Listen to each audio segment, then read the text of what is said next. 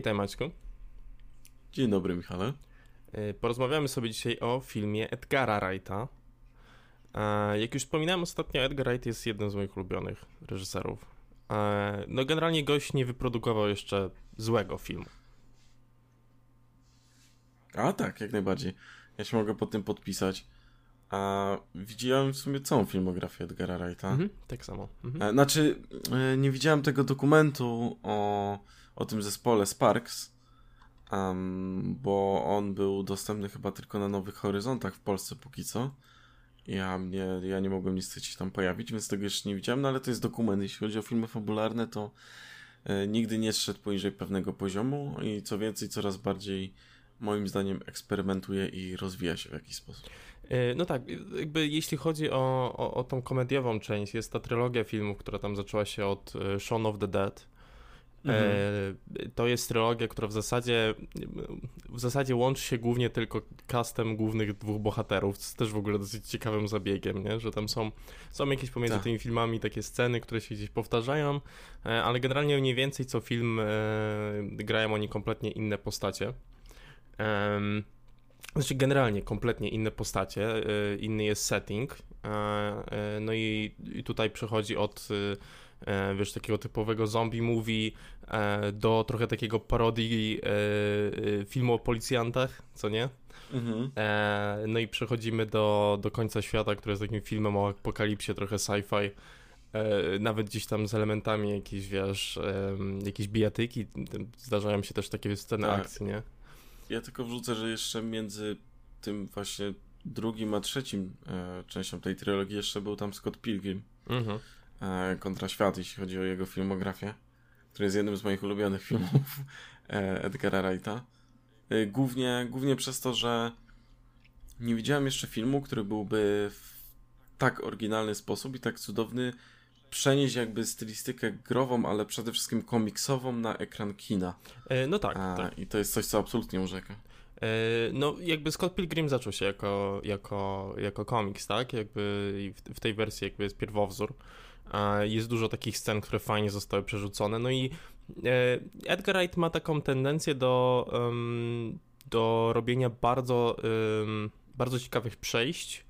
E, bardzo fajnie łączy ze sobą sceny i generalnie jeśli chodzi właśnie o pracę kamery i jak kamera e, y, wiesz, współgra z, z aktorami i z tym, co się, co, się, co się na tym ekranie w zasadzie dzieje, tak? To mhm. jest coś, co wydaje mi się, że najbardziej go wyróżnia. Przynajmniej, przynajmniej do teraz. Wydaje mi się, że to jest coś, co zawsze było takie bardzo wyróżniające. No, są takie kompilacje, e, chociażby właśnie w Hot Fast, to jest ten drugi część tej e, komediowej trylogii. To jest moim zdaniem chyba taki najfajniejszy film, jaki widziałem um, z jego strony. E, może z wyjątkiem Baby Drivera. I faktycznie to jest chyba najlepszy, zdecydowanie najlepszy jest jakby z tej, z tej trylogii filmów.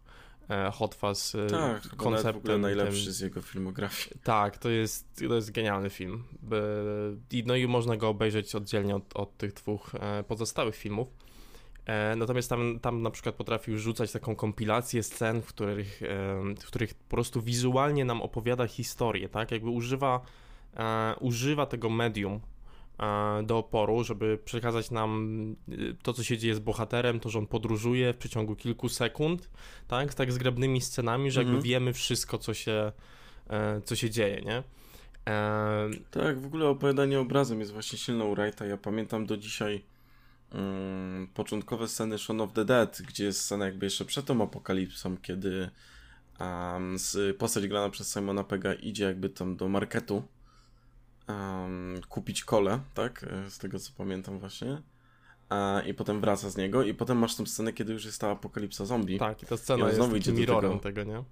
E, tak, jest takim mirrorem z zachowaniem naprawdę każdych szczegółów. Na przykład e, wcześniej mieliśmy scenę, jak on szedł przed tą apokalipsą, że był tam facet, który czyścił, tam był szybę swojego samochodu i w scenie, która jest właśnie tym mirrorem, jak już jest ta apokalipsa zombie, oni sobie jeszcze nie zdają sprawy, że jest ta apokalipsa zombie, mamy scenę, kiedy mamy ten samochód z jakby dziurą w szybie i gdzieś tam dalej łazi właśnie właściciel tego samochodu już przemieniony jako zombie. E, albo scena e, tamtego, bodajże chyba bezdomnego z tym wózkiem e, na początku i potem w tej scenie właśnie, kiedy już jest ta apokalipsa, mamy scenę, gdzie Simon Peck spaceruje i widzimy gdzieś przewrócony po prostu ten wózek niedaleko jego. Mhm. E, więc jest dużo po prostu takich właśnie mikroelementów w tym, które e, kontrastują też z elementami, które wcześniej w danym filmie się pojawiły. E, co jest bardzo konsekwentne u niego. Mhm. Bo to ta konsekwencja to, nie, to jest właśnie coś, czego czasem reżyserom brakuje w opowiadaniu jakby obrazem w odniesieniu się do poprzednich scen, e, a u niego wydaje mi się, że jest to tak bardzo, chyba zawsze tak naprawdę zachowywane. Mhm. No i dlaczego w zasadzie to doceniamy, tak? Jakby jedną z takich rzeczy, na które dosyć często zwracam uwagę, to jest to, że, że mamy w filmach taką niepotrzebną ekspozycję, znaczy Mhm. Przez ten dialog i to, że no nie wiem, mamy dorzuconą jakąś, czasem to jest jakaś, e, jakiś protagonista, tak, który na przykład nie zna tego świata i jemu jest wyjaśniane to wszystko, co się dzieje, no to konsekwentnie Edgar Wright jest, um, potrafi jakby obrazem przedstawić to, co, e, co w zasadzie nie musi być powiedziane, tak? No bo jakby to jest siła tak, tego, tego, tego medium, tak? Jakby rozumiemy, że jeśli czytalibyśmy książkę, to faktycznie dłuższe opisy, przemyślenia byłyby jakąś taką formą, którą, e, wiesz, moglibyśmy znaleźć i ona miałaby sens tutaj. E, no to filmy generalnie trwają krócej niż, e, niż większość, większość książek, e, jakby tak to przerzucić na taki format, tak? No mm. i po mhm. prostu jest kompletnie innym medium. Mm. Co więcej, um, filmy Edgara Wrighta też um, są bardzo takie sprawne, powiedzmy. Znaczy, o, o, o, co mi chodzi? Chodzi mi o to, że je się naprawdę dobrze ogląda. Nie, za wyjątkiem Baby Drivera nie, nie ma w jego filmografii takiego filmu, który miałby taki dziwny przestój w swoim tempie. Jest, że jest jakiś taki moment, że coś nie zgrzyta, tak? Coś, coś, coś to, co często też jest bolączką wielu filmów, tak? Czyli utrzymanie pewnego tempa, jakie samemu sobie film ten narzuca. A, i, I na przykład y, oprócz Baby Drivera nie kojarzę takiego filmu u niego, który miałby problem tak naprawdę z tempem w którymkolwiek momencie, co wiąże się też z tym właśnie na przykład tymi zabiegami montażowymi, czy tym opowiadaniem obrazem, jak to jest właśnie ta podróż, która jest pokazana tak naprawdę w paru sekundach tak naprawdę um, w Hot Fuzz chociażby. Mhm. Um, czy, czy takie ładne przeplatanie scen akcji um, połączonych z takimi scenami powiedzmy troszkę na przykład wolniejszymi, E, czy w ogóle zestawienie jakichś takich e, podniosłych scen akcji z taką groteską, jak jest to na przykład w Hot Fuzz, gdzie e, jest ten pościg przez te płoty mhm. i to wszystko dzieje się w jakimś tym miałem, mia małym miasteczku, tak, w angielskiej jakiejś tam prowincji, które fun fact było miastem rodzinnym Edgara Wrighta. Albo, y, tak, to było chyba w Hot Fuzz, albo w Shaun of the Dead, nie jestem teraz pewien, kurczę, ale w którymś z tych y, to miasto, gdzie, które jest zaprezentowane jest rodzinnym miastem Edgara Wrighta. Mhm. Tak, tak, jako fun fact. Tak, jakby to tempo jest dosyć konsekwentne w tych filmach. E, wizualnie są bardzo, e, bardzo ciekawe te filmy. Znaczy, no, jak myślę sobie na przykład o Scott Pilgrim e, versus The War, tam jest masa scen, które są zajebiście zaaranżowane, właśnie w kontekście tego, że to jest trochę takie przerzucenie komiksu, nie, na, na film. Tak, zresztą on się najbardziej wybija wizualnie z tych jego wszystkich filmów. E, jeśli chodzi o jakieś takie, no nie wiem, za, zabiegi na przykład kadrowe, czy właśnie taką zabawę z różnymi mediami, to, to Scott Pilgrim wizualnie najbardziej się jakby wybija pod tym względem. Mm, no, wiem, że ty, ty na pewno też y, jesteś bardzo pod wrażeniem połączenia E, muzyki ze, ze scenami w Baby Driverze mhm. chociażby. Tak, tak, tak. To też jest rzecz, która naprawdę jest dobrze zaaranżowana w ogóle e, w tamtym filmie, czyli po prostu muzyka jest de facto na pierwszym planie a to, co dzieje się e, w kadrze, jest y, dopasowane do tej muzyki. No tak, jest faktycznie jakby aktorem. przy, przy tworzeniu tego filmu y, on miał już w założeniu jakby cały soundtrack, tak, e, przygotowany. Tak. E, no co więcej, często się zdarza tak, że mm, do filmów wrzucane są jakieś soundtracki, czy jakieś może, wiesz, jakaś muzyka z popkultury i ona po prostu nie pasuje. Nie zgrywa się za mhm. dobrze. Baby Driver jest przykładem, że da się zrobić to w fajny sposób e, i tam faktycznie pod tą muzykę cały ten, e, cały ten film jakoś leci, nie? I, i te różne, różne sekwencje scen są, są pod to jakby zrobione. No i coś, czego nie można mu zarzucić, to to, że po prostu zabiera się za ciekawe projekty, tak generalnie, tak? Jakby filmy mhm. z jakimś ciekawym premisem, to jest zawsze coś, co się tego trzyma. No tak jak mówiliśmy, Baby Driver, film trochę oparty o jakby tworzenie filmu na bazie muzyki w pewnym sensie, tak? Mhm. mamy tą trylogię filmów, gdzie, gdzie mamy tych samych głównych bohaterów, gdzie raz to jest apokalipsa zombie, tak? Może trochę oklepane, ale w formie parodii, czy, czy po prostu komedii w jakiejś formie. E, ten y, Hot Fast i, i, i jakby End of the World to też są filmy e, jakby z jakąś taką formą parodii jakichś takich bardziej e, bardziej znanych wątków filmowych. No ale tak, mamy Scott Pilgrim vs. The World, film bardziej oparty na, na takiej growej, komiksowej estetyce. Mhm. No i teraz na przykład Ostatniej Nocy w Soho, tak? Gdzie, gdzie tym razem zabiera się za coś, czego jeszcze nie robił. Tak, z tym, że y, ja bym, ja bym oddzielił troszkę jego projekty do y, właśnie do World's End.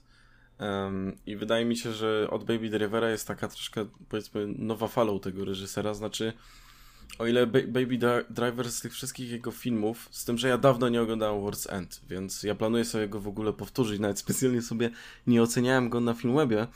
Um, bo, bo po prostu naprawdę dawno go oglądałem, mhm. ale, ale jeśli chodzi o Baby Drivera, to jest nadal super film, e, ale po prostu Edgar Wright robi na tyle dobre filmy cały czas, że z tych wszystkich, które zrobił, ten podoba mi się po prostu najmniej. Mhm.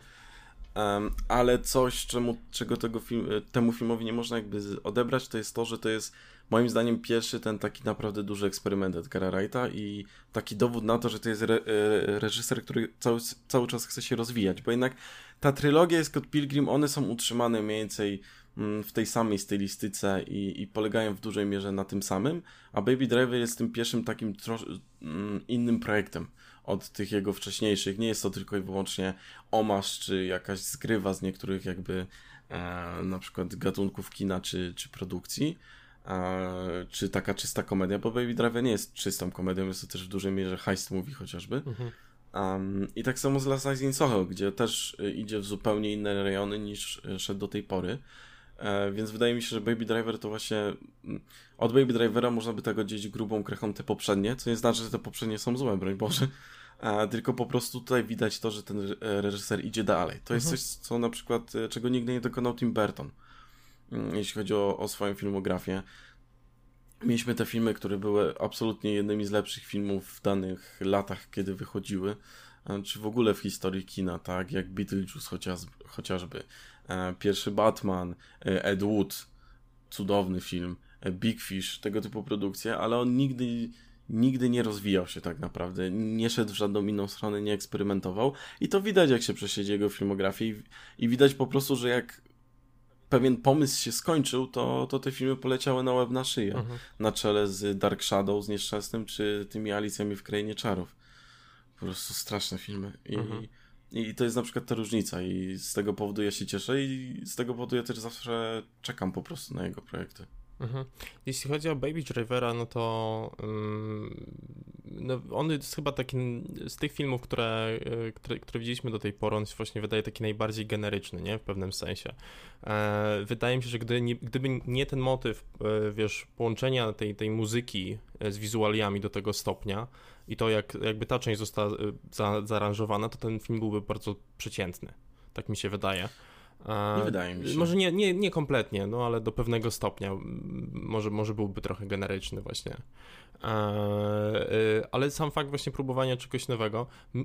Moim zdaniem wydaje mi się, że ten World's End jest w zasadzie chyba najgorszą produkcją, jaką, jaką od Edgara Wrighta widziałem. Mam wrażenie, że to jest moment, kiedy trochę e, część pomysłów na, na, na zaaranżowanie jakby całości filmu trochę już wypadły po tych pierwszych dwóch z tej trylogii, bo jest to utrzymane w trochę podobnej konwencji. I wydaje mi się, że to, to jest chyba taki najgorszy, jaki widziałem projekt, jeśli, jeśli, jeśli o to chodzi. Um. Nie wiem, znaczy ja właśnie dawno sobie nie powtarzałem, kurczę, i planuję wrócić, bo um, są też takie filmy, które na początku mogą nie rezonować z widzem, a po powrocie na przykład po, y, po, po jakimś okresie czasu, czy nawet po paru latach na przykład, ale nagle odkrywamy w nich dużo więcej niż widzieliśmy za pierwszym razem. Czasem to jest też kwestia na przykład pewnego rodzaju dojrzałości emocjonalnej czy wrażliwości na, na projekty filmowe. Wiesz, jak, jak poszerzałem swoją wiedzę filmoznawczą swego czasu i łykałem bardzo dużo różnych produkcji i tych tak zwanych klasyków, to na przykład miałem taki okres, że oglądałem dużo Tarkowskiego, tylko moim zdaniem e, byłem troszkę za młody, żeby, żeby te filmy Tarkowskiego odpowiednio chociażby docenić. Jasne, jakby jeśli chodzi o kompozycję kadrów, czy te strony techniczne, oczywiście, ale e, w tych filmach jest dużo więcej poza tym i dopiero wracając do nich e, w okresie, nie wiem, ostatnich dwóch, trzech lat, widzę w nich tak naprawdę dużo, dużo więcej i rozumiem, dlaczego na przykład są w tym panteonie dzieł na przykład wybitnych, tak? Czy, czy chociażby filmy Haneke, które jestem przekonany, że y, nie wiem, będąc w wieku nastoletnim na przykład, mogą y, widza bardzo wynudzić i może bardzo widz nie zrozumieć tak naprawdę o co chodzi w tym reżyser, re, reżyserze. Um, więc, więc wydaje mi się, że to może być ta, też ta kwestia, dlatego tak się właśnie przymierzam do powrotu do tego End i jestem bardzo ciekaw, jaki będzie mój odbiór po latach, bo faktycznie um, oglądałem to już bardzo, bardzo dawno temu i to był film, który z tej trylogii podobał mi się też najmniej. Um, z tym, że nadal był jakby dobrym filmem, tylko po prostu najmniej podobał się z tych wszystkich, ale jestem bardzo ciekaw, jakie będzie spojrzenie na ten film um, po, po, po tym dużym odstępie czasowym. Mhm bo, bo, bo jednak no, najczęściej wracam do Hot Fuzz i do Scotta Pilgrima. E, jakbym miał tak w sumie chyba podsumować. E, zresztą to są te dwa filmy, które uważam za najlepsze e, w jego filmografii. do pewnego czasu w ogóle byłem właśnie największym fanem Scotta Pilgrima. Um, ostatnimi czasy właśnie szala się tak mi zaczęła przechylać w stronę bardziej Hot Fuzz. Mhm. Głównie dlatego, że jest tam po prostu naprawdę wiele rzeczy, które um, dla, dla, dla, filmoznawcy, dla filmoznawcy mogą być gratką pod względem samej analizy czy wyłapywania niektórych smaczków. Um, I to jest jeszcze ważny element, zanim może przejdziemy do Last Night in Soho. Mianowicie e, Edgar Wright to jest y, po prostu chodząca encyklopedia filmowa. Znaczy ten facet absolutnie widział wszystko. I może opowiadać o wszystko, jakimkolwiek filmie przez długie godziny. Ja, y, to jest świetny reżyser, ale ja po prostu uwielbiam, jak on opowiada o jakichś filmach bo po prostu czuć, czuć tą jego elokwencję w tej, w tej, w tej dziedzinie. I, I to jest też rzecz niesamowita i on bardzo dużo po prostu um, tej swojej jakby nauki filmowej wrzuca w swoje projekty. E, jest tam naprawdę dużo zawsze pewnego rodzaju nawiązań, no aż wycieka to w jakiś sposób z ekranu. Nie jest to nachalne w żaden sposób, tylko po prostu um, jeśli ktoś y, bada kino, to to to jest też jakby dodatkowy aspekt, e, który, który może w tych filmach, jak do, do tych filmów Edgara Wrighta kogoś przyciągnąć, bo, bo czuć po prostu, nawet jeśli one nie są zawsze celowe, to czuć po prostu e, to, że jest to facet, który filmami żyje po mhm. prostu. E, moje takie, moje takie bardzo krótkie podsumowanie World's End byłoby takie, że ja trochę nie lubię tempa w tym filmie. Generalnie wydaje mi się, że trochę się jeśli chodzi o całą, wiesz, jeśli chodzi porównać to do tych poprzednich z tej trylogii, to wydaje mi się, że najbardziej tempo się tam rozjeżdża właśnie, że jest trochę takie e, nierówne. Um, mhm. jeśli, jeśli chodzi e, o, o, przechodząc już właśnie do Last Night in Soho, e, mamy dosyć ciekawy cast na starcie. E, Anna Taylor-Joy, e, która gra tutaj Sandy, e, dużo osób ją na pewno kojarzy z Gambitu Królowej. Um, mm-hmm. Serial, którym też, e, też e, wiem, że ty nie oglądałeś, natomiast ja, ja jakby widziałem cały i zdecydowanie też mi przypada do roli, do jakby do gustu w tej, w tej, w tej, w tej roli. Mm-hmm. Um, wydaje mi się, że też bardzo ciekawe, jeśli o tą aktorkę chodzi, jest, jest też właśnie taki... Mm, jej uroda jest taka bardzo klasyczna w kontekście właśnie gdzieś lat 60. czy, czy, czy, czy, czy, czy, czy 50. Wiesz, mam wrażenie, że bardzo się wpasowuje w tą estetykę też na ekranie. Mhm. No i tutaj podobnie było w kwestii tego gambitu, nie? Ona świetnie się jakby prezentowała w tych, w tych, w tych, w tych, w tych, w tych konkretnych na przykład kreacjach. To jest to samo, co mogę na przykład powiedzieć o, o Macie Smithie, nie? który tutaj gra Jacka. On też no. świetnie się odnajduje właśnie w tej, w tej trochę starszej estetyce. Um, I wydaje mi się, że też tutaj się odnajduje dobrze w tej roli, więc jakby to, to pierwsze, pierwsze jakby jeśli chodzi o cast. E, mamy Thomasin McKenzie, I ja właśnie tak w trakcie oglądania nie mogłem skojarzyć na początku, dopiero później ogarnąłem, że stąd skąd ja ją kojarzę, to z Jojo Rabbit. Ona grała tą Um, Elsę. Tą Elsę, tak. Yy, w tym filmie zresztą dosyć, dosyć fajnie. Ja też odebrałem tą jej rolę.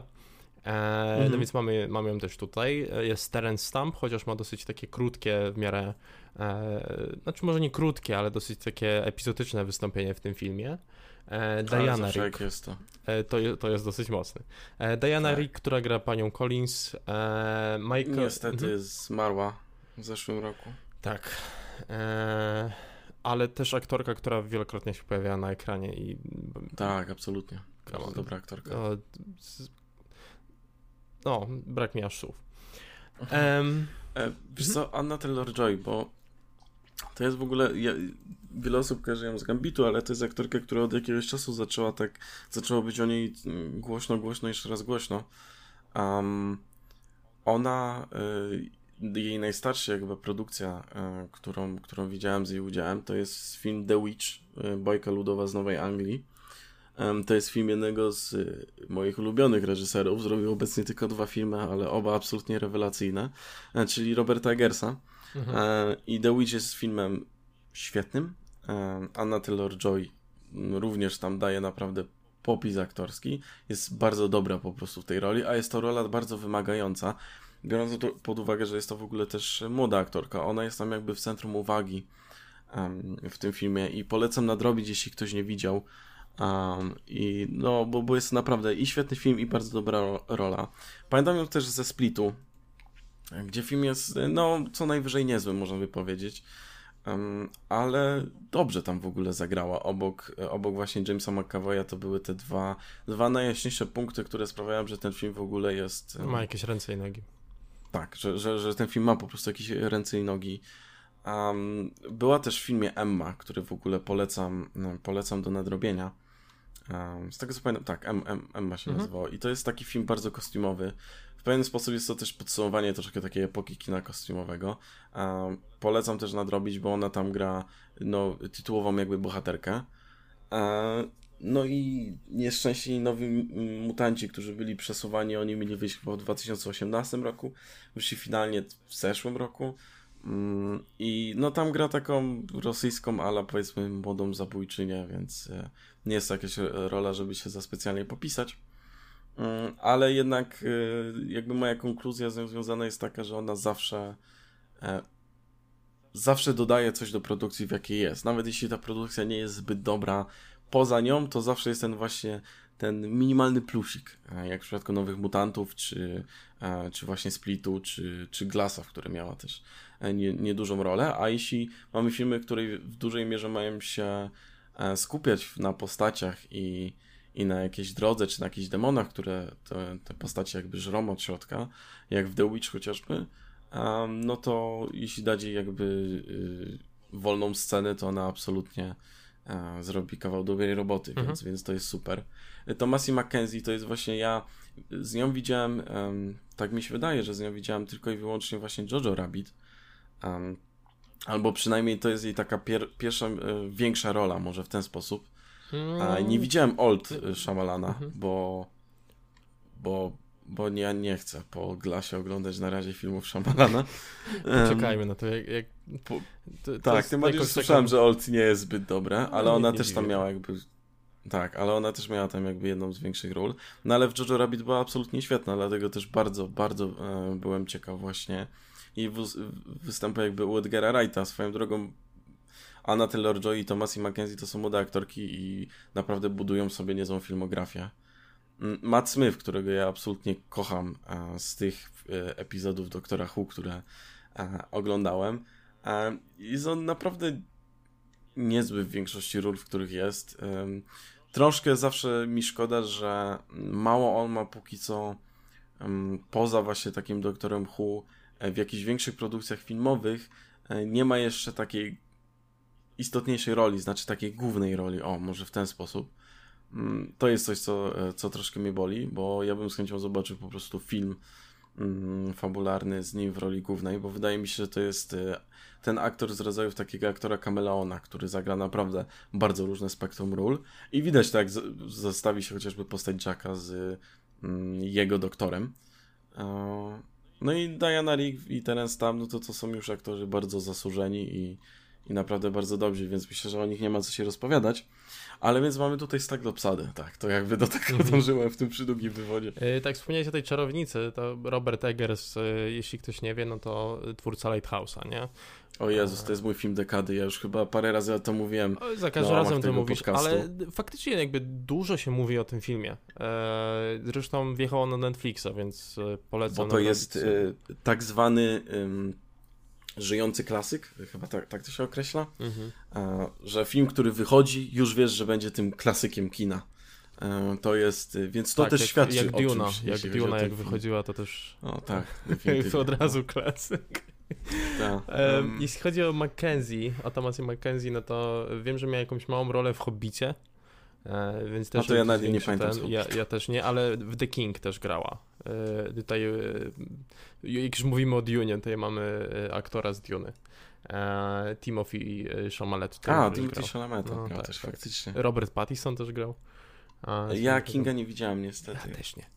E, e, no ale tak, ale jakieś takie, jakieś takie gdzieś tam się pojawiały w tych produkcjach. Jojo Rabbit faktycznie chyba największa, jaką miałem do tej pory.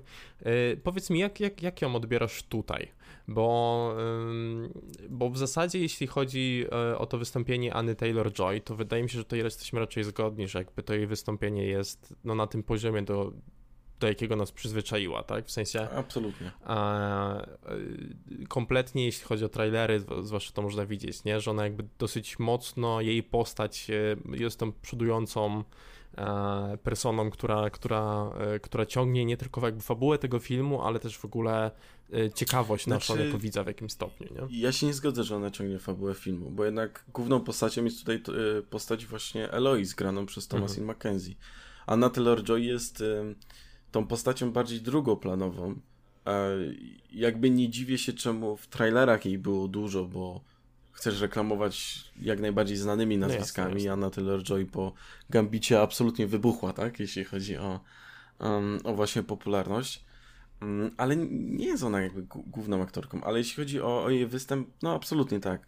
Jest to dobra aktorka, przyzwyczaiła nas e, do tego i tutaj hmm. jest jak najbardziej świetna. Mm, Thomasie Mackenzie ja się zakochałem w tej roli, znaczy abstrahując jeszcze od samej roli, ja mógłbym godzinami słuchać jej akcentu w tym filmie, bo jest, o, tak piękny. Um, ale y, sam, sam jej występ też mi się bardzo podobał, bo, bo, bo jest to, um, nie jest to łatwa rola do zagrania, bo mamy tutaj dziewczynę, która, e, mamy tutaj młodą dziewczynę, która jest, żyje de facto latami 60., tak? Jest absolutnie zakochana w modzie z lat 60., w muzyce z lat 60., filmach z lat 60., po prostu we wszystkim z tym związanych. Nawet jak słucha muzyki, to korzysta z tam chyba bodajże Walkmana e, przez pewien czas, e, no bo tylko tak należy słuchać e, muzyki z lat 60., oczywiście płyty winylowej. A, no tak, no bo to o winylach myślałem, że do nich chcesz tutaj wrócić. E, tak, płyty winylowe i tym podobne i jakby widać to, to się też przejawia jakby w jej mm, w tym, co ona chce mniej więcej prezentować jako um, designerka y, ubrań, e, bo, bo te kroje, które nawet jak jest ten y, pierwsza scena, kiedy ona jakby tańczy w tej sukience z um, gazet, te kroje, to wszystko jak to się prezentuje, no to jest żywcem wyjęte z E, filmu z lat 60., chociażby wtedy, jak ta moda właśnie się prezentowała.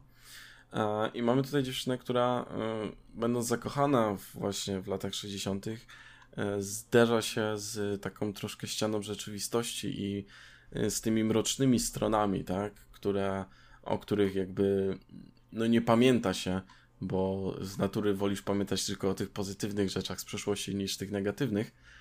Mm, I to ją gdzieś niszczy od środka, a jednocześnie bardzo się angażuje po prostu w, w przeszłość w postaci właśnie jakby chęci obrony w postaci Anny, Anny Taylor-Joy, e, a jednocześnie gra e, postać, która e, może mieć jakieś problemy psychiczne, ponieważ jej mama cierpiała na chyba schizofrenię i popełniła samobójstwo.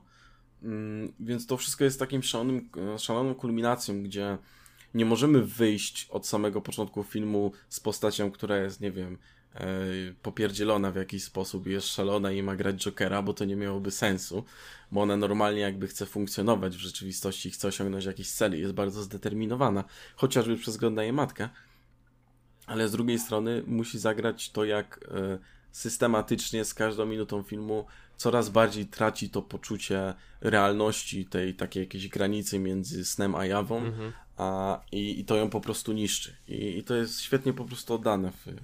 Czy w ogóle y, niesamowicie, bo jakby od razu jest tam hintowane gdzieś, jeśli chodzi o tą postać, że, y, że ona ma jakieś takie, wiesz, nie wiem, nadprzyrodzone zdolności, zdolności. Tak, jakieś paranormalne mhm. zdolności.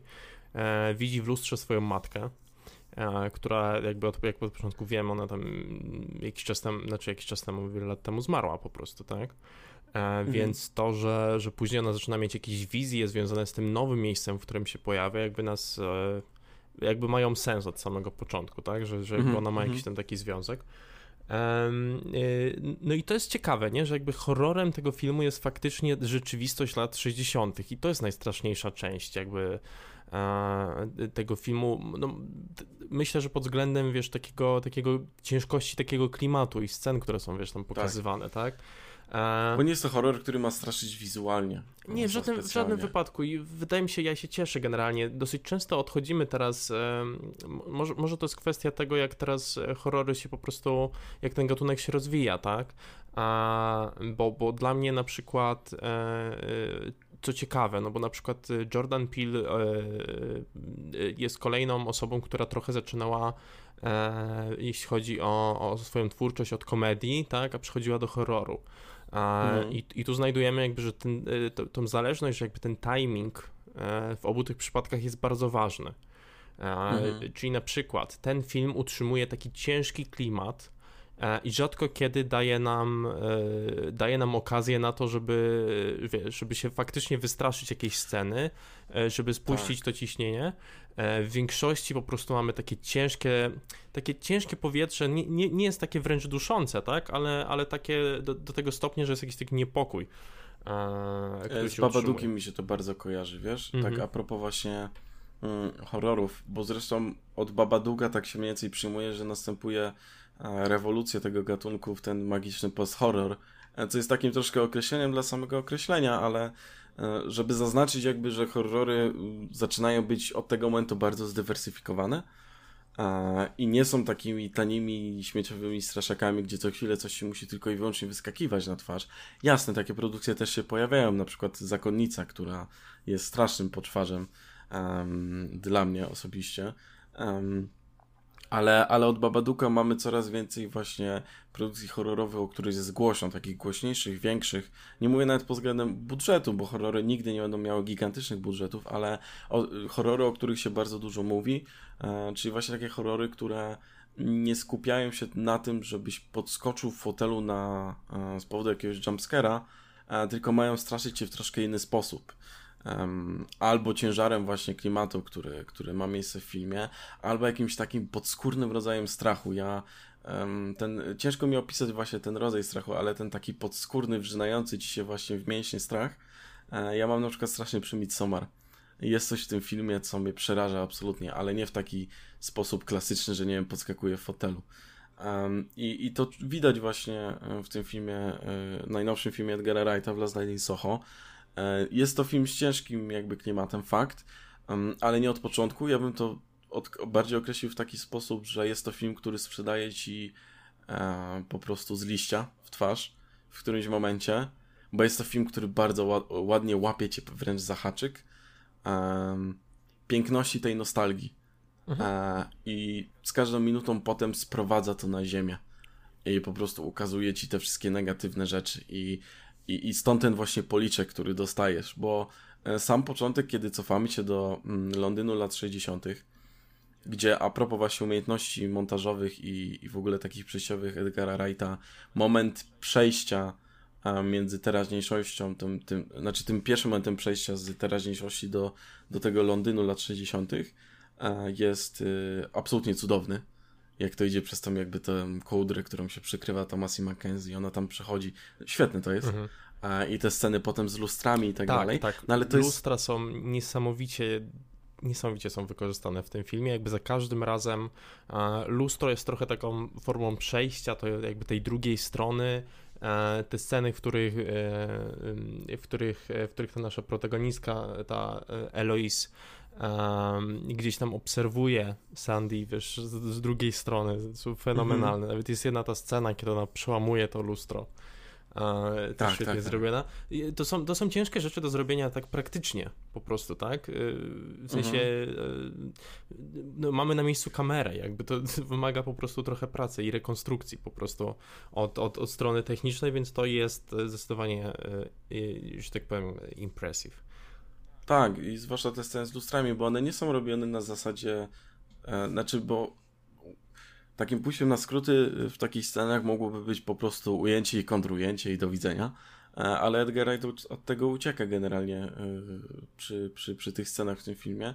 To jest właśnie dużo na plus, ale właśnie ten początek, kiedy jest nam prezentowany ten Londyn lat 60., no to to jest absolutna bajka. Tam zresztą w kinie leci w tamtym okresie Thunderball. To jest y, dla, dla niewtajemniczonych jest to jakby czwarta odsłona przygód Jamesa Bonda z Seanem Connerem jeszcze zresztą w roli głównej, w roli agenta 07, 007.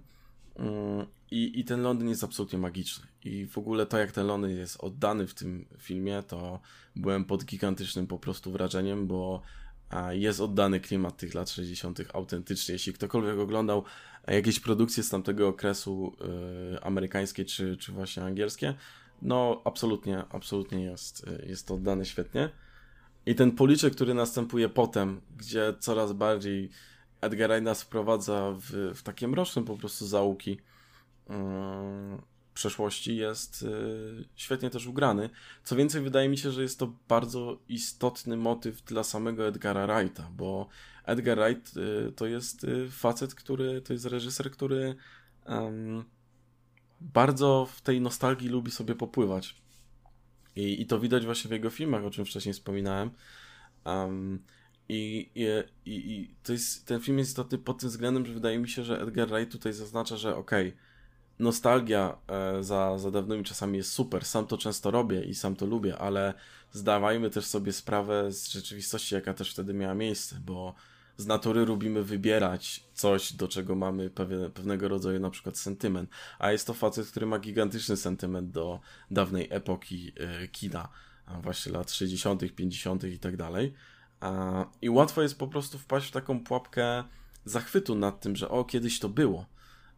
I zapominania o tym wszystkim, co było negatywne. Zresztą z tym złapaniem za haczyk, ja też tutaj tak miałem, jak na początku to wszystko było przedstawiane, wiesz, właśnie ten Londyn, jak się prezentował, ten swingujący Londyn. Ja, moim pierwszym skojarzeniem było takie, no kiedyś te filmy, filmy to były. Mhm. Dwójka aktorów, piękne kreacje mm, i, i to było tyle, a teraz wiesz, potrzebujesz tych wszystkich blockbusterów, tych efektów CGI nad efektami CGI i tak dalej, i tak dalej. I po czym mam takie, no tak, ale to nie było tak kolorowo, nie? I, mm. i to jest ten policzek. I on tym bardziej wybrzmiewa, mm, jeśli po prostu badasz na przykład też te epoki e, kina, ale nie tylko kina, ale w ogóle mody lat 60. i e, czy, czy, czy w ogóle jakby muzyki i tak dalej, to wydaje mi się, że jeszcze łatwiej jest ciebie złapać w ten haczyk e, i potem jesteś sprowadzany właśnie do ziemi i orientujesz się, że no tak, zapamiętaliśmy te cudowne rzeczy, tak, te, te, te wszystkie rzeczy wybitne, w jakiś sposób istotne, ale pominęliśmy całkowicie ciemną stronę tamtych lat w ogóle. I, i, I, to jest bardzo mocne w tym filmie. To jest bardzo mocny przekaz, najważniejszy przekaz w tym filmie po prostu. Um, żeby nie, nie, nie, nie pływać e, tak bez w ogóle bezkrytycznie w tej, w tej nostalgii, żeby patrzeć na, na czasy dawne bezkrytycznie, tylko żeby zdjąć te e, różowe okulary i spojrzeć też e, wzrokiem po prostu obiektywnym w jakiś sposób na, na to, co kiedyś się działo, co kiedyś miało miejsce i to moim zdaniem czyni ten film Edgara Wrighta absolutnie jego najdolża, najdolża... najdojrzalszym. Dziękuję. Mhm. Produkcją. Jest to film, który jest najdolżal... Nie, no nie, nie, mo... słuchaj, wyślemy Bardzo się... dojrzały. Bardzo jest dojrzały. To film, który jest bardzo dojrzały. Ej, możemy cię wysłać na lekcję dykcji. Jak byłem mały, to miałem chyba, takie... Chyba będę... Co, jak, jak tak zaczynam dużo nawijać, to, to, to czasem Tak, właśnie, faktycznie, to jest czasem problem. E, ja chodziłem na lekcję dykcji, jak byłem mały. E, mieliśmy taką panią, ona... E, nie widać. No, nie, no co, to przestań. E, nie, nie umiałem mówić szyi, że miałem z tym problem największy, zawsze, zawsze z tym gubiłem. Mhm. E, I jest taka metoda, gdzie wkłada się łyżeczkę do, do buzi i musisz mówić. E, no i ta nasza pani była genialna, bo brała na tą łyżeczkę Nutellę za każdym razem. Więc, mhm. Genialna metoda. Nie, to, to nie były czasy, że Nutella kosztowała 50 zł jak teraz. tak, kurwa tak. Znaczy nie, nie wiem ile kosztuje, ale wiem, że te ceny są zabójcze tej Nutelli. A, oddaj spokój. A, e, dobra, jeśli chodzi... E, bo się, bo się ten... E, jeśli chodzi o, o, o kwestię tego filmu i na przykład tempa, coś co, co wcześniej jakby poruszyliśmy właśnie, jak, na co ja bym zwrócił uwagę, to to jest to, jak, jak płynnie przechodzimy od, od punktu A do punktu D. Film zaczyna się w momencie, w którym poznajemy tą naszą główną postać, wiemy o jej ten takiej nostalgii co do tych lat 60., co nie? Mhm. Ona przyjeżdża do trochę nowego miejsca, gdzie stara się otworzyć na tych ludzi. No jest, jest gdzieś dziewczyną wychowaną w jakiejś małej mieścinie, tak? Która nagle jest w dużym mieście, gdzie, gdzie to życie wygląda trochę inaczej niż się może spodziewała, albo jest po prostu um, po prostu trochę aż zbyt, e, zbyt dla niej jest to duży szok, tak? W momencie, kiedy tam się pojawia. E, I to jest moment, w którym ona zaczyna wracać do tej swojej strefy komfortu, którym są te lata 60. To jest to moment, kiedy ona zaczyna mieć wizję, kiedy, kiedy wręcz fizycznie, jakby praktycznie pojawia się w tych latach 60., obserwując te wszystkie zdarzenia, co nie? No, kiedy się wynosi z akademika. Tak, kiedy się wynosi z akademika. I, I to jest moment, kiedy ta jej strefa komfortu także staje się trochę e, corrupted, tak? Staje się trochę. Mhm. E, e, tutaj nam wraca ten, ten niepokój taki, który się pojawia, i ona trochę zaczyna rozumieć właśnie te gorsze strony E, tego wyidealizowanego świata, który gdzieś tam ma z tyłu głowy, co nie? Tego, że mhm. z jednej strony ucieka od tej rzeczywistości, a z drugiej strony to, do czego dąży, y, też ma swoje złe strony. E, mhm. I, to, i to, jest, to, to właśnie jest to, co, co jakby widzę w kontekście właśnie tego tempa, tego jak on, wiesz, jakby płynnie przechodzi z tego jednego motywu do, do, do drugiego e, i jak to wszystko się jakby razem łączy z tą historią tej postaci, co nie? Mhm, mhm. To to jeśli chodzi o, o kontekst tempa. E, y, jakby ten film, jak już tak jakby się faktycznie wkręcimy, no to, to jakby to nas trzyma, nie? Trzyma nas za mordę, jakby nie puszcza kompletnie. Um, tak, tak. E, I cały ten, cały ten, ta kwestia tego horroru lat 60., jakby ona po prostu zaczyna eskalować e, bardzo, bardzo płynnie. Mm. Y, czy jest coś takiego, jeśli chodzi o ten film, co, co czujesz, że, że, mocno chciałbyś skrytykować? Coś takiego, co uważasz, że mogłoby pójść lepiej, nie wyszło? Y, jest coś takiego, co widzisz? A, wiesz co? troszkę ten sam początek, gdzie, znaczy, bo w ogóle otwarcie jest cudowne z tym tańcem i tak dalej, jest mhm. naprawdę super, ale ten moment jej wyjazdu i, i dotarcie do akademika i to, co dzieje się w tym akademiku, Um, jeśli chodzi o tempo, to to jest ten moment, w którym odczułem troszkę takie, że to jest rzecz, którą Edgar Wright jakby, no muszę to zrobić, żeby przejść do tego mięsa, do tego, co chcę de facto pokazać. Mhm. Że było to trochę tak to jest... po macoszemu potraktowane, tak? Po prostu. Tak, i mhm. po prostu tak, e, że wiesz, no to nie jest coś, co, co mnie interesuje, muszę to zrobić, tak? Tak e, rzemieślniczo wręcz. I to troszkę widać, bo no, jest to film, który generalnie ma troszkę działać na takich e, pewnego rodzaju przerysowaniach, ale wydaje mi się, że te przerysowania na samym początku filmu są podkręcone aż już za bardzo do ekstremum w kontekście tego, jak to wygląda później, gdzie e, jednak e, film skręca w taką właśnie bardzo poważną nutę, taką e, ciężką nutę. Mhm. I, i, i, takiego czegoś, co macie, wiesz, mocno usiąść po prostu na, nie wiem, na twojej klatce i czujesz, jak cię przyciska. Um, tym bardziej, że jakby no to jest film, który ten horrorem jest rzeczywistość lat 60. E, oczywiście to nie jest tak, że tylko i wyłącznie tak wyglądały te lata wtedy, ale to jest jeden z tych aspektów po prostu, który jest pomijany i, i dlatego tutaj jest tak e, uwidaczniany i przez to ten początek troszkę mi się z tym gryzie. I jeśli mam, miałbym mieć właśnie jakieś zarzuty takie największe, to jest do tego początku, wiesz, od tego momentu, kiedy ona wsiada w ogóle do tej taksówki, ten taksówkarz jest taki, wiesz, już maksymalnie po prostu obleśny i mhm. y, myśli, że gra, nie wiem, um, i, i, i, i myśli, że, że nie wiem, że gra w jakimś filmie pornograficznym czy coś, gdzie nie wiem, o, przejedziemy, wiesz, od tego punktu do tego punktu nie musisz płacić pieniędzmi, ale wink wink. No, no to jest tak już do przesady. Albo tak. ta cała część tych akademiku. Um, no dało, dałoby się to te, bardziej tak y, zgrabnie ująć. Subtelnie troszkę, zgrabniej mm. i um, wiesz, ten, ten moment, kiedy ta współlokatorka tam wbija do tego pokoju, zaczyna uprawiać seks z jakimś tym chłopakiem. Te ciuchy oczywiście, że, że, że lecą w Eloise, prawda, i a, I to, to jest takie, no, można byłoby to troszkę inaczej jakby zrobić. Mhm. I że każdy facet od razu z natury będzie się przystawiać to też jest a, aż tak minimalnie po prostu za bardzo. Mówię, to jest film, który i tak ma grać na przerysowaniach.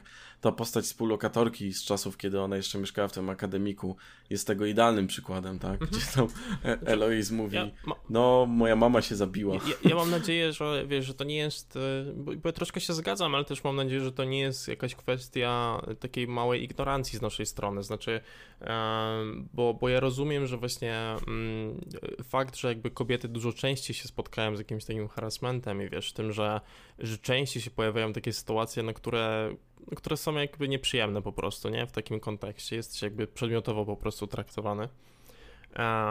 Że może to jest faktycznie to jest jakby część realiów, które mniej może nam są znane po prostu, może, może dlatego tak do tego stopnia zwracamy Jasne, mogą być, tylko, tylko wiesz, y, problem jest taki, że jeśli za bardzo, to robisz z tego taką wręcz karykaturę. I, tak, tak, tak. I Myślę, to tak, jest, że w kontekście to tego, jak... troszkę problematyczne. Mhm. W kontekście tego, jak mocno te takie te takie właśnie obleśne, nachalne, takie mm, roszczeniowe zachowanie tych mężczyzn, które jest jakby, wiesz, kompletnie no, traktowane jako złe, tak, jest podkreślane mhm. jako złe w tym filmie e, już pod koniec tego, jakby w trzecim gdzieś tam, czy drugim akcie, e, to wydaje mi się, że faktycznie w tym kontekście po prostu nie jest to aż tak potrzebne, nie? Że jakby to mogły być bardziej subtelne, bardziej, bardziej takie e, delikatne konfrontacje.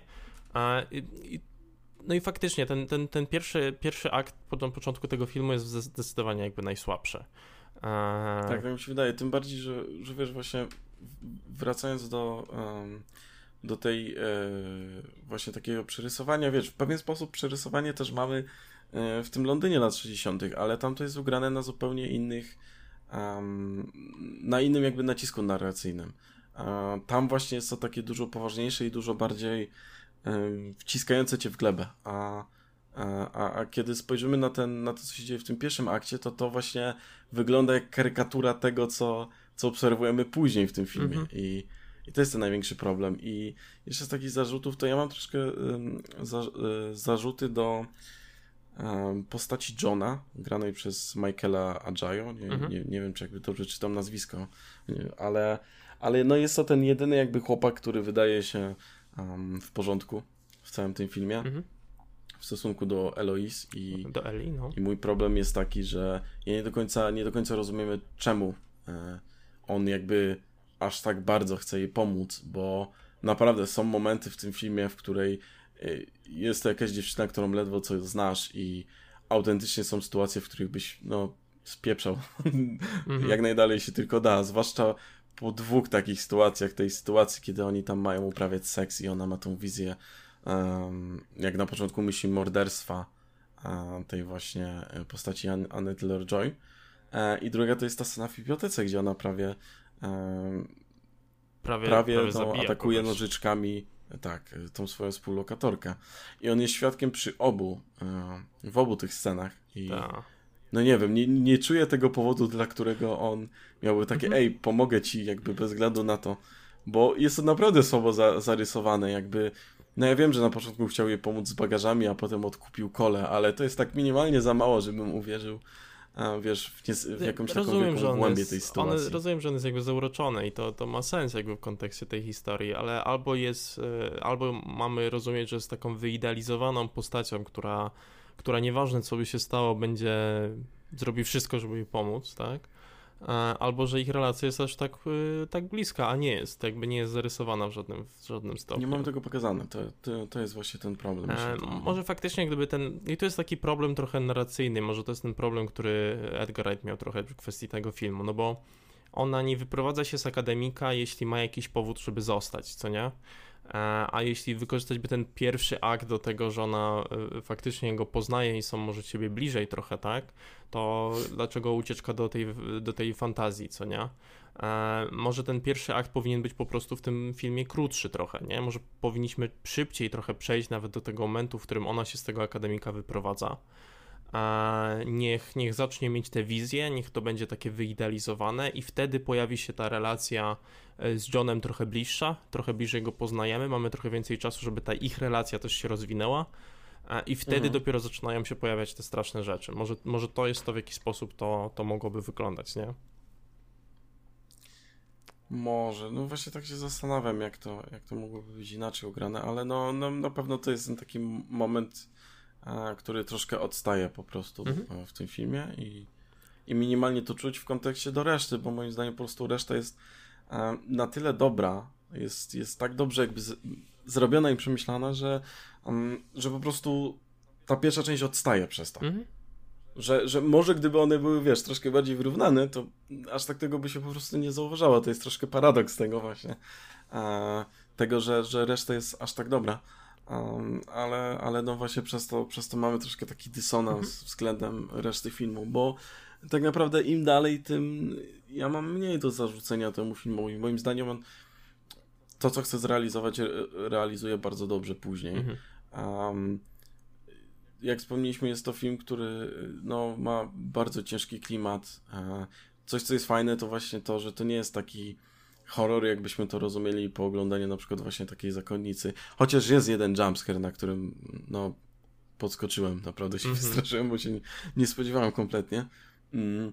Ale tak to, e, tak to całość jest bardziej ugrana, że strachem jest e, rzeczywistość, która kiedyś miała po prostu miejsce. Tak. A, I to jest tym najstraszniejsze i to ma podwójny wydźwięk. E, tym bardziej właśnie jeśli spojrzysz, że no tak, tak autentycznie się działo i to nawet nie tylko w latach 60., bo um, to, co się dzieje z tymi aktorkami, czy um, no, tymi dziewczynami, które chcą uprawiać jakiś tam performance um, w tych latach 60., to jest też coś, co na przykład przecież praktykował Harvey Weinstein, chociażby, tak, że no, y, praca jakby w jego studiu filmowym, tak, jeśli jesteś aktorką y, z tego jego studia, to praktycznie Oscar gwarantowany i tak dalej, i tak dalej. I wykorzystywał to wiadomo w jaki sposób. Um, więc no, jest to podwójnie straszne z tego powodu. Mhm. Zresztą ten wątek mi tu mocno się przejawia dzięki temu. Tak. E, co myślisz, bo taka krytyka, z którą się spotkałem, e, to to, czy, czy ta postać e, tej Sandy, czy ona, czy jakby zbyt łaskawie ona jest potraktowana w tym kontekście? Znaczy, czy, czy te jej zbrodnie, czy te jej morderstwa są potraktowane trochę zbyt wyrozumiale w kontekście tego filmu? Nie, nie, nie do końca kupuję tych z, z, z, zarzutów. Wiesz co? Um, to jest ten klasyczny zabieg scenariuszowy, gdzie um, rzecz albo postać, którą stworzyli oprawcy, w którymś momencie jakby zaczyna na nich polować. I to mhm. jest taki klasyczny zabieg, który mamy w naprawdę wie, w wielu filmach. A więc, więc troszkę nie rozumiem właśnie zarzutów w ten sposób, bo w innych to jest często akceptowane, ale to jest postać, która um, wiesz, ona jest na początku no, bardzo podobna do, do postaci Eloise, czyli mamy tą dziewczynę, która przyjeżdża do tego wielkiego miasta i wie, że ma jakiś talent, jakieś zdolności i po prostu chce osiągnąć sukces. A, i, I chce zrobić wszystko, by ten sukces osiągnąć. I, a, i, I mamy to pokazane właśnie w ten sposób na początku, i potem coraz bardziej widzimy, jak. Um, co tak naprawdę ten, ten Londyn lat 60. z nią, z nią robi, jak ona coraz bardziej jakby się zatacza i i robi się takim wręcz wrakiem człowieka. A, i, I ta scena zabójstwa, ta pierwsza zabójstwa właśnie Mata Smitha, to jest ten moment, w którym ona też de facto jako osoba umiera. Jakby jej dusza e, umiera. To jest zresztą nawet e, poruszone w końcówce tego filmu, gdzie jest ta konfrontacja, tak? Gdzie wychodzi, że ta starsza pani właśnie mm, jest de facto Sandy. E, to jest ten moment, w którym ona gdzieś tam w środku umiera i jedyne co jej zostaje to jakby taka chęć zemsty na, na jej tych wszystkich oprawcach, tych wszystkich osobach, które e, sprawiły, że, że ona przynajmniej w swoim mniemaniu odsunęła się od człowieczeństwa tak bardzo, jak to jest możliwe. I jest to postać, której nie jest wybaczane na samym końcu, tak naprawdę. Mhm. Znaczy, nie jest to postać, która ma całkowicie jakiś happy ending, bo. bo wiesz, taki całkowity happy ending to by było, gdyby um, Elois, nie wiem, uratowała ją stamtąd, potem, wiesz, nic by nie powiedziała i wszyscy żyli długo i szczęśliwie. Um, ona nie znajduje jakby um, ratunku finalnie w tym filmie. Nie mhm. jest. Y, wiesz, y, nie wiem, no, ratowana na samym końcu, nie jest oczyszczona z tego wszystkiego. Jedyna rzecz, i to jest rzecz, która mi się akurat bardzo podoba, to jest to, że um, jest taki minimalny y, plus w tym zakończeniu. Znaczy, Sandy odchodzi po raz pierwszy chyba w tym filmie, robi coś na swoich własnych warunkach.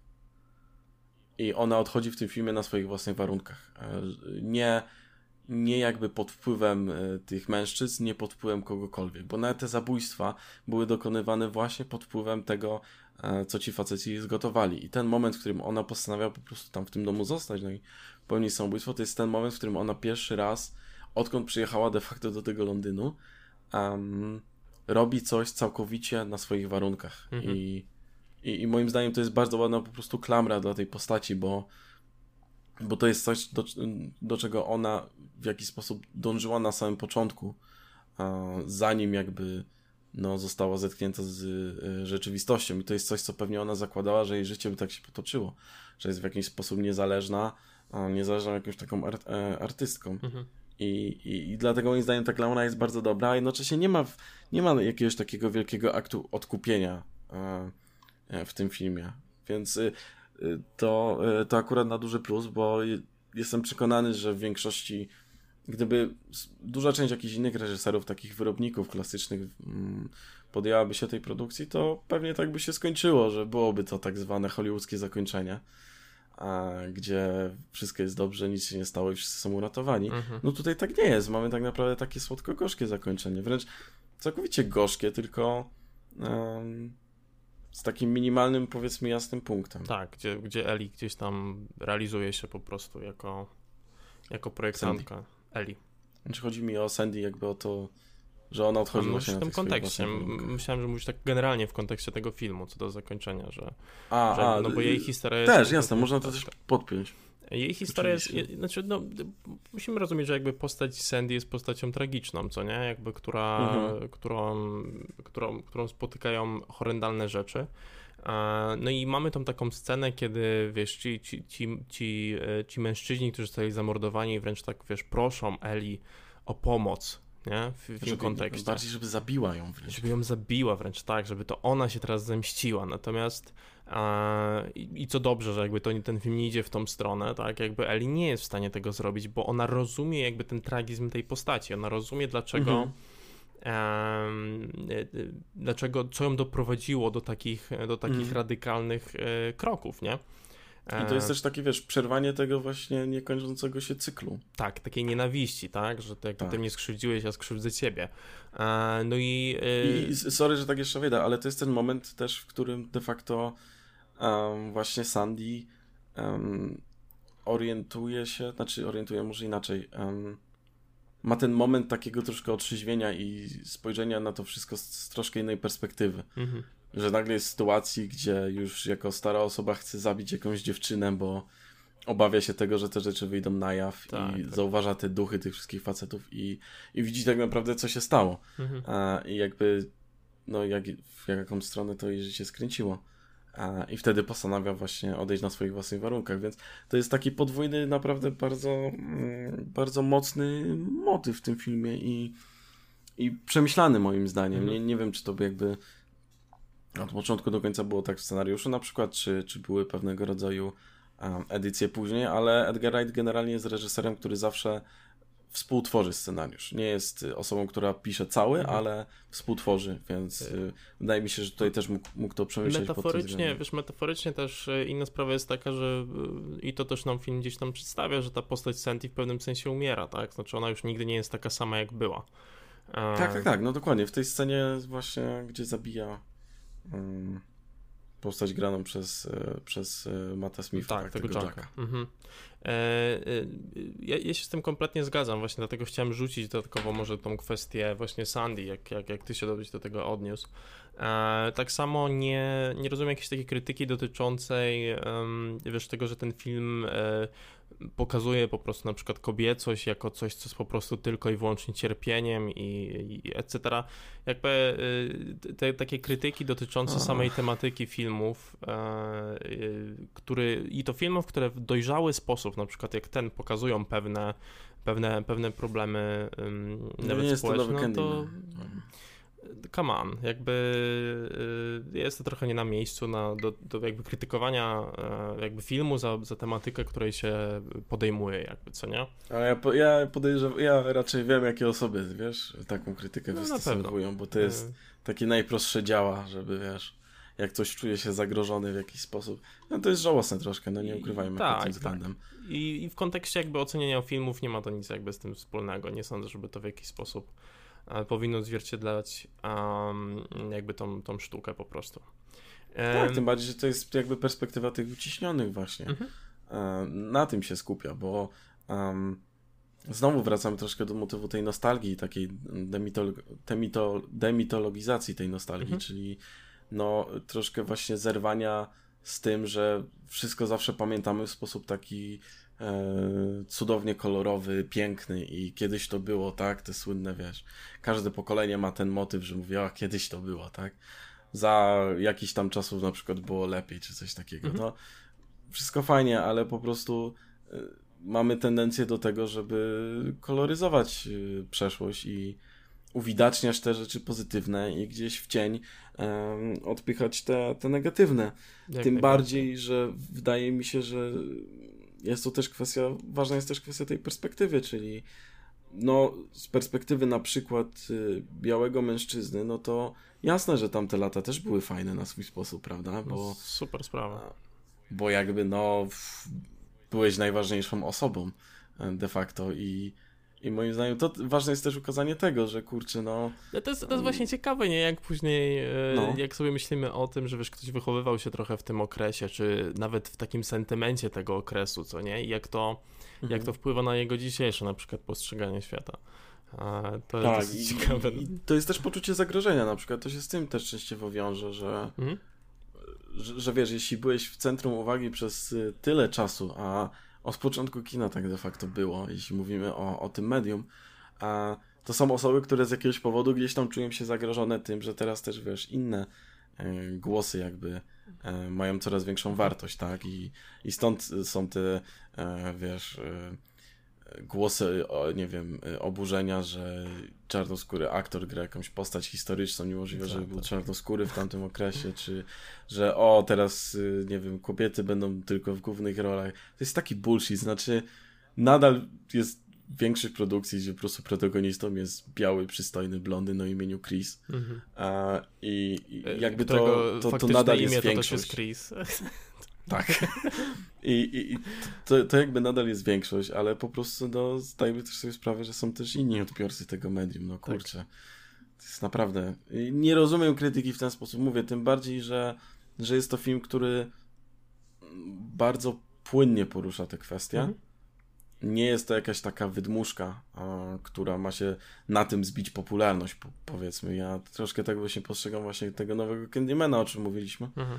Mm i, i, I, to jest właśnie moim zdaniem świetny kontrast między Candymanem z tego roku i, i Last Night in Soho, czyli jak y, zrobić coś poprawnie, a jak y, troszkę tam spieprzyć robotę ja, po drodze. Jestem, jestem zdecydowanie y, fanem tej ideologii, wiesz, jak, w kontekście w ogóle sztuki, nie? że w kontekście podejmowania problemów zawsze E, I to jest na przykład co, co, coś, co George Carlin na przykład nie uważa w kontekście komedii, nie? Że jakby tym celem komedii e, jest punching up, a nie punching down w, takim Mhm. kontekście, więc i to me, jakby te media artystyczne zawsze pozwalają właśnie na taką, na taką opcję, jakby ukazania tego tego problemu nie z naszej perspektywy często, tak? No bo mówimy na przykład tutaj o, o kwestii czy to czasem mniejszości, czy to kwestii problemu, który naprawdę, w którym trzeba być, żeby go rozumieć, nie?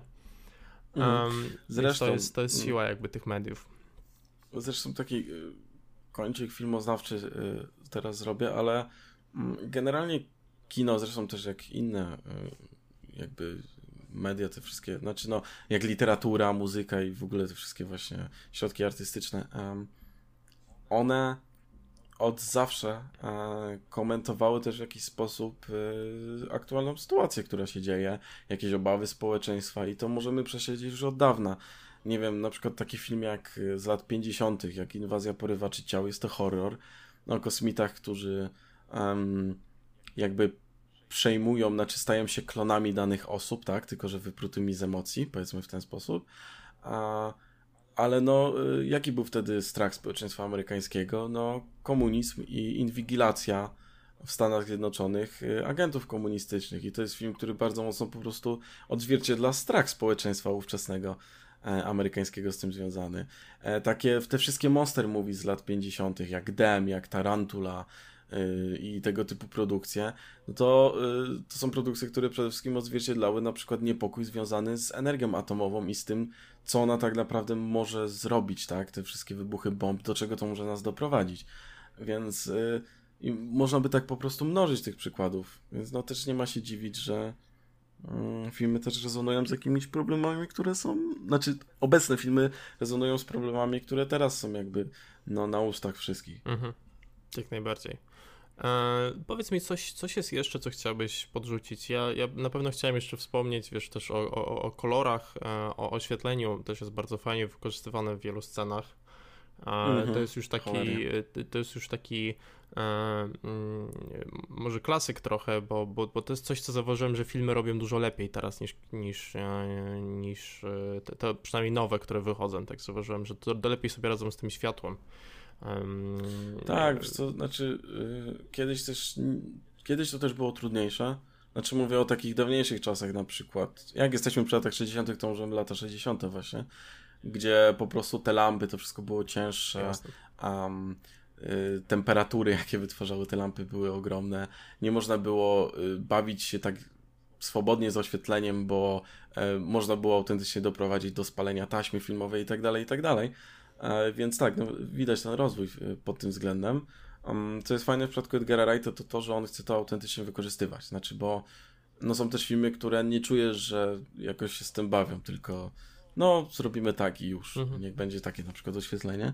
Um, a tutaj każdy ten aspekt mam wrażenie, że chce być w jakiś sposób um, wykorzystany na, na potrzeby właśnie tej historii i po prostu podkreślenia wizualnego um, tej historii, bo jak jest ta scena, gdzie um, dochodzi jakby no de facto do zabójstwa Jacka, ale wtedy Eloise jeszcze tego nie wie, tylko myśli, że to Sandy jest zabita.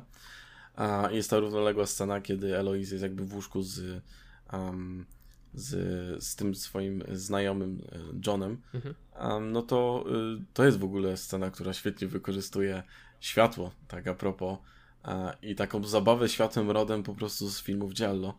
Mhm. Um, absolutnie miałem taki vibe. W ogóle właśnie a propos mm, coś, co mi się podobało w tym filmie, no to właśnie to nawiązywanie też do, do tych innych dzieł e, filmowych, bo ja chyba nawet ci to mówiłem, jak wyszliśmy z kina, że to jest film, od którego bardzo mocno bije um, wstręt Polańskiego. Mhm. To jest film chyba, żeby było śmiesznie, chyba z lat 60. E, To jest w w ogóle mój ulubiony film Polańskiego, ale ma też bardzo podobną tematykę. Znaczy, no tam mamy dziewczynę, która jakby przeszła powiedzmy ten okres dojrzewania i nagle wszyscy faceci, wiesz, e, zaczynają się interesować w taki sposób. I mamy wręcz takie sceny, które niemalże bezpośrednio rezonują ze wstrętem.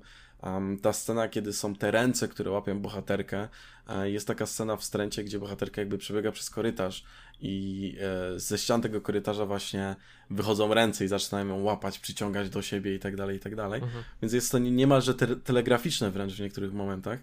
Um, ale jest to też bardzo, moim zdaniem, przemyślane, bo jest to dzieło, które bardzo rezonuje, wstręt bardzo rezonuje właśnie pod względem tematyki i wydźwięku filmu e, do Last Night in Soho na przykład. Mhm.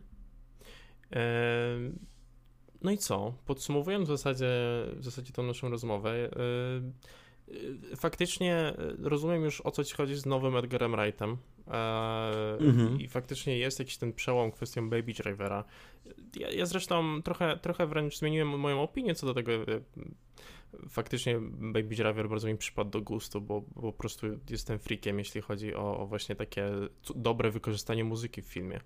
Mhm. E, natomiast e, wiesz, e, im, im więcej czasu tak sobie o tym myślę i mam czasu, żeby, żeby, żeby wrócić sobie na przykład do tego filmu, to faktycznie widać taką zmianę i trochę, trochę zmienienie formy i to, że on się trochę przyzwyczaja teraz do robienia trochę inaczej filmów, mhm. ale Last Night in Soho sprawia, że ja jestem generalnie podekscytowany na, na nowego Edgara Wrighta i na te, na te produkcje, które on będzie teraz robił z małymi dosłownie takimi rzeczami, do których się przyczepiliśmy, czyli właśnie ten początek, e, postać Johna, która jest trochę, trochę takie e, niewykorzystana, czy ta właśnie ich relacja e, w tym mhm. kontekście. E, to są chyba takie dwie rzeczy, które najbardziej się e, wyrzucają, ale poza tym film jest świetny, mi się go świetnie też oglądało e, i może to jest dobre w pewnym sensie, tak, że jakby ta najgorsza część tego filmu tutaj przypada gdzieś na ten początek, tak, gdzieś na ten pierwszy akt, bo to jest coś, co przez co przechodzimy, ale później ten film już trzyma poziom faktycznie do, do końca i, i, i trzyma jakby w takim, w takim dosyć mocnym napięciu, nie? Um, mhm.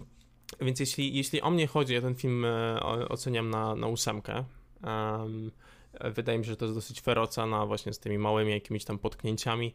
E, natomiast no film jest, film jest genialny i ja te, tak jak tym bardziej jakby czekam na te nowe e, produkcje, które Edgar Wright będzie robił już trochę, trochę w innym stylu.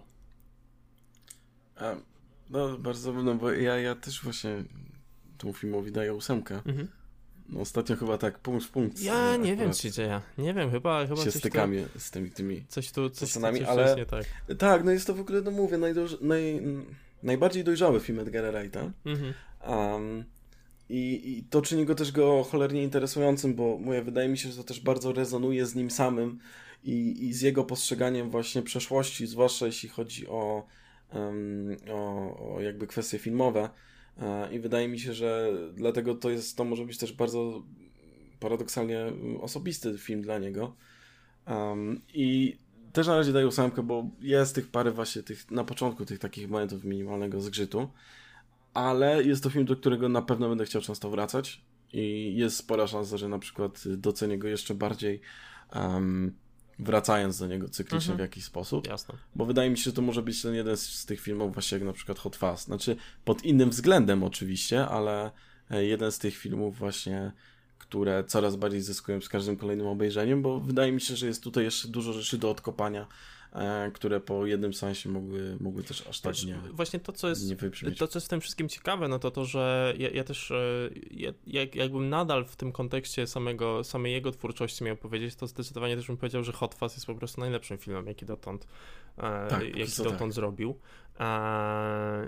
I może faktycznie gdzieś tam z drugim miejscem tym Scott Pilgrim vs. The World. Ale. A, bo właśnie chciałem się pytać, jakbyś mniej więcej to sobie ułożył. Yy, wiesz co, no ja, ja taki... Mm, jeśli bym w takim kontekście to układał, to Shaun of the Dead byłby na trzecim. E, tak mm -hmm. mi mhm. się wydaje. E, bo, bo on w taki minimalistyczny sposób, mam wrażenie, u, daje mu się osiągnąć e, te rzeczy, które na przykład trochę gorzej wychodzą w The End of the World. E, moim mm -hmm. zdaniem. The World's End. The World's End, tak, tak. End jest o tyle jakby niefajny, znaczy do tyle ja mam problem z tym filmem, że jakby on zaczyna fajnymi koncepcjami, które które wręcz, e, wiesz, biją na głowę to, te koncepcje z Shaun of the Dead, czyli jakby tego jakiegoś takiego problemu, z którym się te postacie zmagają, jakby tego miejsca w ich życiu i tak dalej. Wręcz są nawet trochę bardziej poważne, ale po prostu są mało rozwinięte, nie? Mhm. To jest ciekawe, bo ja właśnie jakbym miał takie, te, nie wiem, to czy zrobić, to ja na pierwszym właśnie miałbym Hot Fuzz, na drugim Scotta Pilgrima, ale na trzecim ja bym wrzucił Last Night No i proszę. No i proszę to, bardzo. to jest y, ta, ta jedna właśnie różnica. um. Znaczy, o tak, ja, wiesz co, ja w sumie nie, nawet nie wziąłem tego pod uwagę, szczerze powiedziawszy, bo, bo jeszcze, jeszcze trochę za wcześnie e, dla mnie na wrzucanie tego, ale, yy, ale tak, byłem w stanie być przekonany na trzecie miejsce z Last Night in Soho, to, to, to jest fakt. E, natomiast no, nie, nie jest jeszcze najlepszym z filmów, jakie, jakby ta nowa fala jego filmów nie jest jeszcze e, lepsza niż to, co udało mi się wcześniej stworzyć, tak? Natomiast. No to też jest kwestia przyzwyczajenia tego, do stylu. Tak, pomimo tego te, te filmy to zaczyna się robić ciekawe. Znaczy, E, ten, ten film ma predyspozycję do tego, żeby być oceniany na dziewiątkę. E, I mhm. jakby to, co jest w nim dobre, jest zajebiście dobre. E, tak, i ja bym zresztą nie zdziwił się, gdyby, wiesz, po, nie wiem, za x lat bardziej mówiono właśnie o tych filmach od Baby Drivera i dalej, mhm. um, niż o tych wcześniejszych filmach. Nawet jeśli na przykład filmowo mogą być lepsze, to ten jak tam jest ta mocna strefa komfortu, a tutaj jest y, rozpychanie się łokciami w troszkę innych rejonach i um, takie no, eksperymentowanie. I jest to po prostu ciekawsze, mhm. jeśli chodzi o sam, sam jakby, samo zjawisko. Mhm. Także jeśli chodzi o Last Night in Soho, e, z naszej strony ósemeczka, bardzo ok film, e, e, do którego jeszcze pewnie będziemy wracać.